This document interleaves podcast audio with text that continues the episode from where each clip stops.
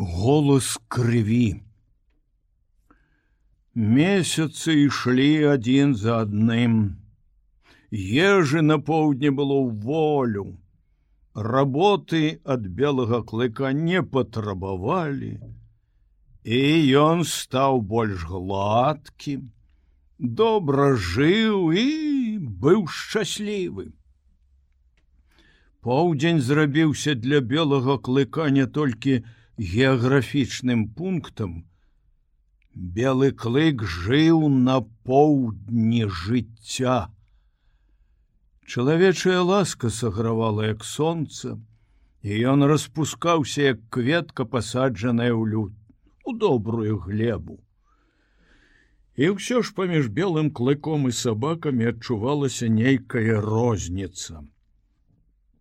Ён ведаў закон, Ён ведаў закон нават лепш за сабак, якім мне даводзілася жыць у іншых умовах і выконваў яго з вялікай дакладнасцю і ўсё ж лютасць хавалася ў яго істоце нібы лясная глуш все яшчэ не адпускала ад сябе белага клыка а воўк што жыў у ім толькі задрамаў на час.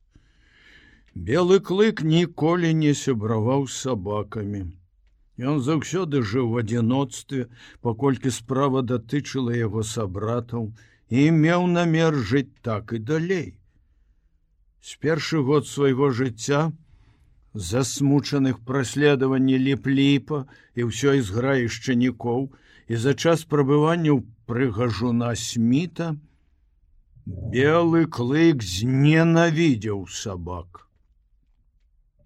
Жыццё яго хілілася ад нармальнага цячэння, і ён зблізіўся з чалавекам, аддаліўшыся ад сваіх суродзічаў. Апрача таго сабакі на поўдні адносіліся да белага клыка з вялікай падазронасцю. Ён выклікаў у іх інстынктыўны страх перад лясной глушу. Яны сустракалі яго злосным брэхам, бурчаннем і нянавісцю. Ён жа са свайго боку зразумеў, што пускаць у ход зубы зусім не абавязкова. Вышчараныя клыкі і злосна ўздрыгваючыя губы, дзейнічалі беспамылкова і амаль заўсёды спынялі брэх сабак. Але жыццё паслала белому клыку выпрабаванне в асобе коллі, якая не давала яму ні хвіліны спакою. Закон не меў для яе такой жа нязменнай сілы, як для белага клыка і яна працівілася ўсім спробам гаспадара завязаць паміж імі сяброўства. Яе злосны раздражнёны рык праследаваў белага клыка. Коллі не магла дараваць яму гісторыю з курамі і была цвёрда ўпэўнена ў злачынстве ўсіх яго намераў. Яна знаходзіла віну там, дзе яе яшчэ і не было атручвала белому клыку існаванне, ходзячы за ім па пятах, як паліцэйскім. І варта было яму толькі кінуць цікаўны позірк на голубу або куранё, як коллі пачынала раз'юшана брахаць. Улюбёны спосаб белага клыка адчапіцца ад коллі заключаўся ў тым, што ён клаўся на зямлю, паклаўшы галаву на пярэднія лапы, і прытвараўся, што спіць. Это заўсёды прымушала яе замаўчаць. За выключэннем непрыемнасцей з коллі ўсё астатняе ішло гладка. Белы клык навучыўся стрымліваць сябе цвёрда засвоіў законы, у яго характары з'явіліся станоўчасць, спакой, філасофская цярплівасць. Навакольная абстаноўка перастала быць варожай в адносінах да яго. Прачуванне небяспекі, страх болю і смерці ўжо не трывожылі белага клыка. Паступова знік і жах перад невядомасцю, што падпілёмвала раней на кожным кроку. Жыццё зрабілася спакойным і лёгкім. Яно цякло гладка, не засмучалася ні страхамі, ні варожасцю. Яму не хапала снегу, але ён не мог ясна ў свет ну свядоміць сабе гэтага. Як зацягнулася лета, падумаў бы ён напэўна, калі б думка пра снег прыйшла яму ў галаву але гэтага не здаралася і белы клык толькі няясна і несвядома адчуваў патрэбу у снезе у летнюю спякоту калі прыходзілася пакутаваць ад сонца ён адчуваў лёгкія прыступы суму па поўначы Але сум гэты выяўляўся толькі ў трывозе, прычыны якой заставаліся няяснымі для яго самога. Белы клык ніколі не адрозніваўся экспансіўнасцю. Ён умеў прыціскацца галавой да гаспадара і ласкава бурчаць, і толькі гэтымі спосабамі, выказваў сваю любоў. Але неўзабаве ён даведаўся і пра трэці спосаб. Смех багоў заўсёды вельмі моцна дзейнічаў на белага клыка. Смех прыводзіў яго ў шаленства, але на гаспадара белы клык не ўмеў злаваць і калі той пачаў дабрадушна жартаваць і смяяцца з яго ён прыйшоў замяшанне. Белы клык адчуваў як у ім узнімаецца ранейшая злосць але на гэты раз ён ёй прыходзілася змагацца з любоўю Ён не мог злаваць а ў той жа час так або інакш трэба было адказваць на смех. Спачатку ён стараўся захаваць велічны выгляд. Але гаспадар зарагатаў больш гучна.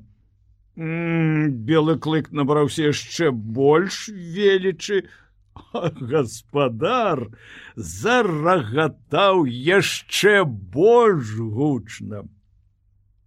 Нарэшце белы клык здаўся. Пашчэнкі яго злёгку разняліся, верхняя губа ледь задрыжэла, і ў вачах з'явілася камічнае выражэнне, якое гаварыла не столькі аб смеху, колькі пра любоў. Белы клык навучыўся смяяться.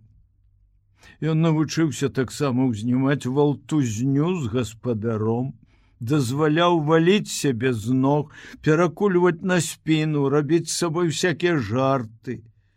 В адказ на гэта ён прытвараўся разгневаным, увесь натапырваўся, раз'юшана бурчаў, ляскаў зубамі, робячы выгляд, што хоча чапіцца ў гаспадара. Але белы клык ніколі не забываўся. Зубы яго заўсёды ляскалі ў паветры, не закранаючы скота. І ў канцы такой валтузні, калі ўдары штуршкі і лясканне зубову бурчанне рабілася ўсё мацней і мацней чалавек і сабака раптам адск адскоквалі ў розныя бакі, спыняліся, глядзелі адзін на аднаго, а затым, таксама нечакана, нібы сонца раптам показвалася над бурным мором. Яны пачыналі смяяться. Гульня заканчвалася тым, што гаспадар абдымаў белага клыка за плечы і шыю, а той заводзіў сваю бурчліва пяшчотную песеньку любові. Але апрача гаспадара, Ніхто не пачынаў такой валтузні з белым клыком. Ён не дапускаў гэтага. Варта было каму-небудзь іншаму пасягнуць на яго пачуццё уласнай вартасці, як пагражальны рык і стаўшыя дыбарам поўсць забівалі ўсякае жаданне пагуляць з ім. Калі белы клык дазваляў свайму гаспадару такія вольнасці, Это зусім не азначало, што ён траціў сваю любоў направо і налево, як звычайны сабака, які гатоў валтузіцца і гуляць з кім хоча. Ён любіў толькі аднаго чалавека, не адмаўляўся разменьваць сваю любоў. Гаспадар шмат ездзіў конным Белы клык лічыў сваім абавязкам ісці з ім у такія прагулкі. На поўначы ён даказваў сваю адданасць людзям тым, што хадзіў за прэшцы, але на поўдні саней не было. І сабакі тут не цягалі цяжару на спіне. Таму белы клык заўсёды бег побач з канём гаспадара, знайшоўшы ў гэтым новы спосаб для выказвання сваёй адданасці. Ён бегчы так, ну мог хоць цэлы дзень.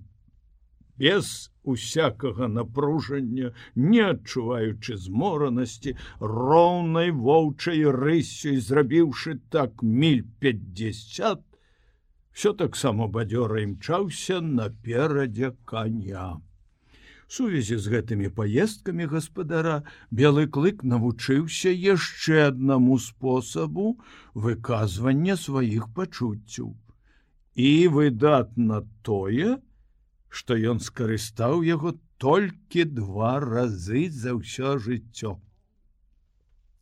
Першы раз гэта здарылася калі гаспадар спрабаваў дабіцца ад гарачага пародзістага коня, каб ён дазволіў яму адчыніць і зачыніць брамку, не сыходзячы з сядла. Раз за разам ён накіроўваў яго туды, спрабуючы зачыніць за сабой брамку, але ўсякі раз конь спалохана адступаў назад і кідаўся ў бок. Конь гарачыўся ўсё больш і больш. Як толькі ён узнімаўся на дыбкі, гаспадар даваў яму шпоры, прымушаючы апусціць пярэднія ногі на зямлю, але в адказ на гэта конь пачынаў біць задам. Белы клык сачыў за імі з узрастаючай трывогай і пад канец, не маючы больш сіл стрымліваць сябе, подскочыў да коня і злосна пагражальна забрахаў на яго. Пасля гэтага выпадку Ён часта спрабаваў брахаць, і гаспадар заахвочваў гэтыя спробы. Але брэх удаўся ў яго толькі раз. Прычым гаспадара ў гэты час не было паблізу. Прычынай дабрахання з'явіліся наступныя падзеі. Гаспадар імчаўся галопам па полі, як раптам конь кінуўся ў бок, спалохаўся труса, які выскочыў з-пад самых яго ног і спатыкнуўся. Гаспадар выскочыў сядла і зламаў нагу. Белы клыка шалеў і хацеў чапіцца каню ў горла, але вокрык гаспадара спыніў яго. Дамоў! Пайшоў дамоў! Загадаў скот пераканаўшыся што нага зламана. Белы клык не жадаў пакідаць яго аднаго. Гаспадар хацеў напісаць запіску але ні алоўка ні паперы ў кішэнях не было.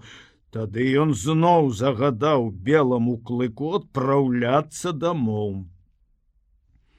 Белы клык тужліва паглядзеў на яго зрабіў некалькі крокаў вярнуўся ціха заскуголіў.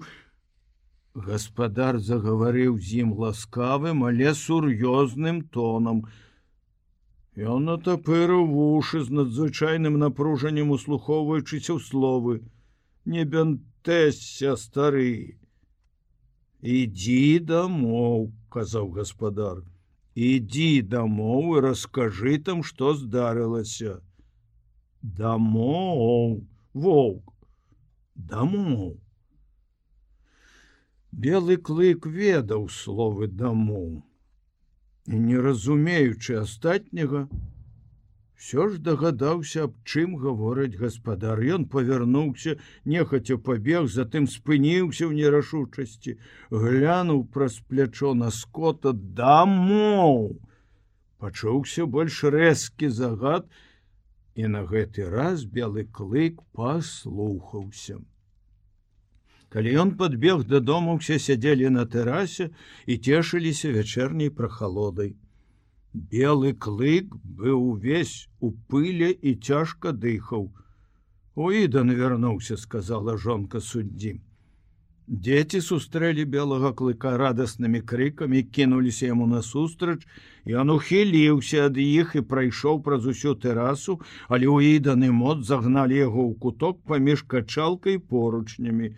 Ён зароў і паспрабаваў пралезці паміж дзецьмі. Маці спалохана паглядзела. Що ж я ніколі не перастану баяцца за дзяцей, калі яны круцяцца каля белага клыка, сказала яна, толькі таго і чакаю, што ён накінецца на іх. Белы клык з лютым брэхам выскачыў з кутка, зваліўшы хлопчыка і дзяўчынку з ног, маці паклікала іх да сябе, угаворваючы пакінуць белага клыка ў спакоі. Воўк! заўсёды застанецца ваўком заўважыў суддзя скот яму нельга верыць до конца. Але ён не сапраўдны воўк умяшалася бэт становячыся на бок брата. Ты спадзяешся на словы уідана запярэчыў суддзя. Ён думае што ў белым клыку ёсць сабачая кроў. Але дакладна яму нічога не вядома А што датычыцца выгляду белага клыка, суддзя не скончыў фразы. Белы клык спыніўся перад ім і люта забурчаў: пайшоў на месца, на месца, загадаў яму суддзя. Белы клык павярнуўся да жонкі гаспадара. Яна спалохана ўскрыкнула, калі ён схапіў яе зубамі за сукенку і пацягнуў да сябе, разарваўшы лёгкую матэрыю. Тут ужо белы клык быў цэнтрам агульнай увагі. Ён перастаў бурчаць і стаяў, падняўшы галаву і углядаючыся ў твары людзей.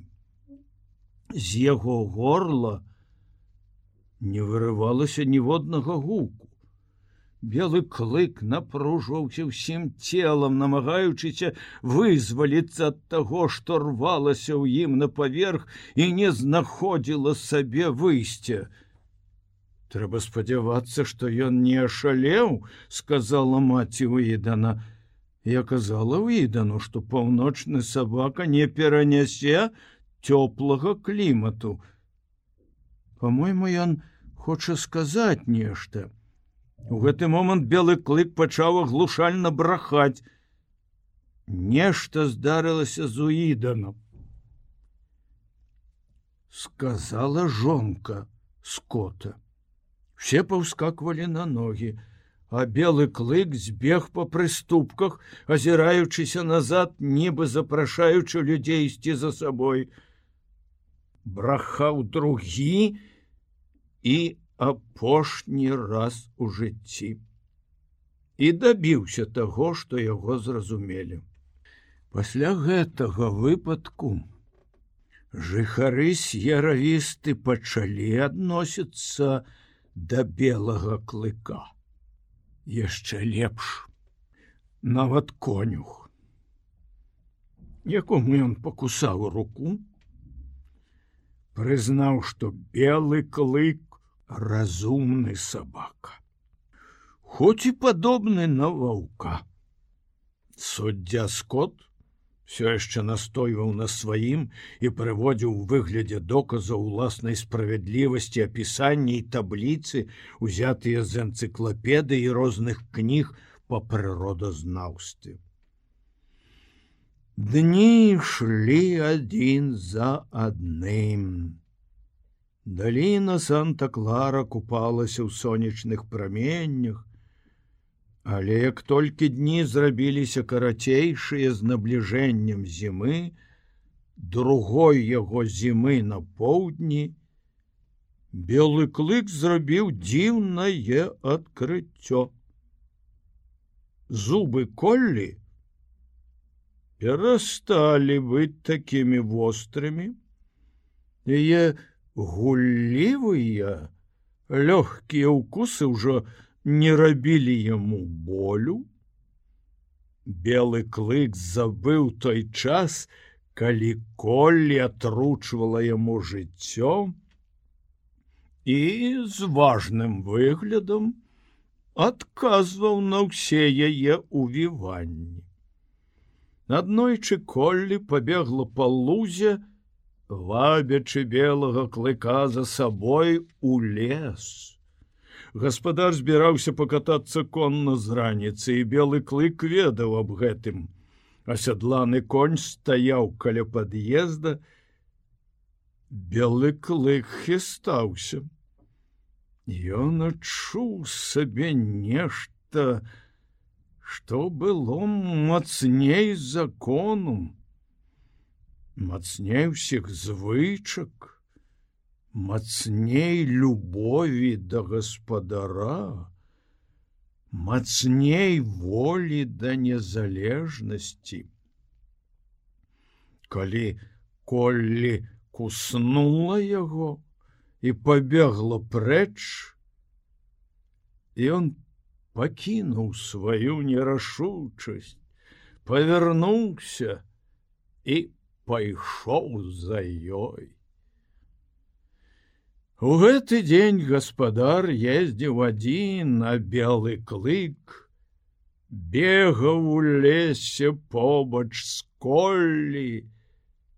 Як многа год таму назад яго маці кіч бегала з аднавокім у маўклівым паўночным гушчары.